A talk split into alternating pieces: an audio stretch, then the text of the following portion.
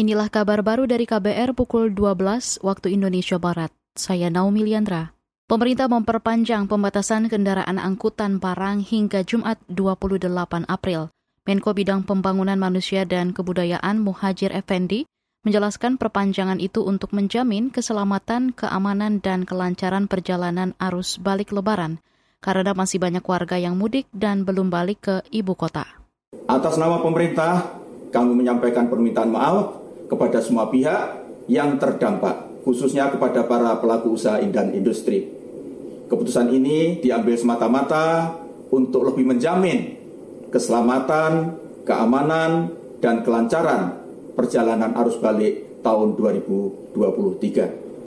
Menko PMK Muhajir Effendi menambahkan perpanjangan pembatasan kendaraan angkutan barang hingga Jumat 28 April berlaku baik di ruas tol maupun arteri atau non-tol. Sementara itu, Kepala Korps Lalu Lintas Polri, Firman Shantiabudi, menjamin jajarannya akan bertindak humanis di lapangan bila menemukan ada kendaraan angkutan barang yang melanggar aturan perpanjangan pembatasan operasional.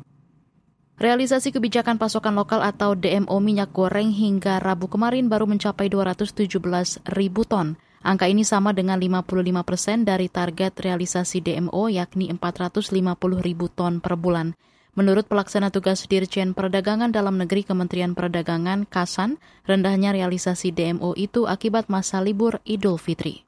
Ini harapannya memang karena ini kita terpotong oleh libur uh, libur dalam rangka uh, apa Idul Fitri, memang uh, apa beberapa hari ini memang tidak terjadi realisasi untuk DMO karena mungkin beberapa uh, pelaku usaha uh, produsen uh, apa berlibur untuk me, apa, mendistribusikan DMO-nya.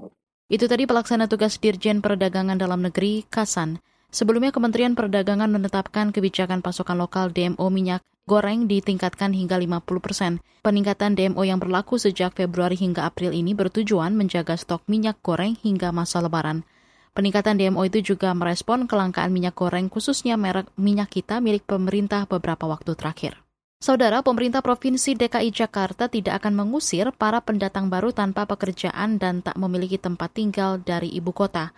Hingga Mei nanti, Pemprov DKI Jakarta akan terus mendata pendatang baru yang tiba.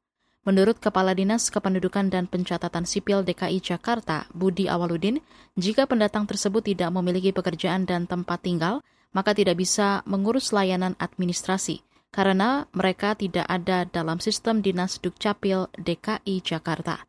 Budi mengungkapkan saat ini Dinas Dukcapil bersama DPRD DKI Jakarta sedang membuat aturan untuk menindaklanjuti serbuan pendatang baru. Budi juga menghimbau para pendatang agar tidak hanya memiliki tempat tinggal, tapi juga harus punya kemampuan atau keterampilan pekerjaan guna menetap di ibu kota. Saudara, demikian kabar baru dari KBR. Saya Naomi Liandra undur diri.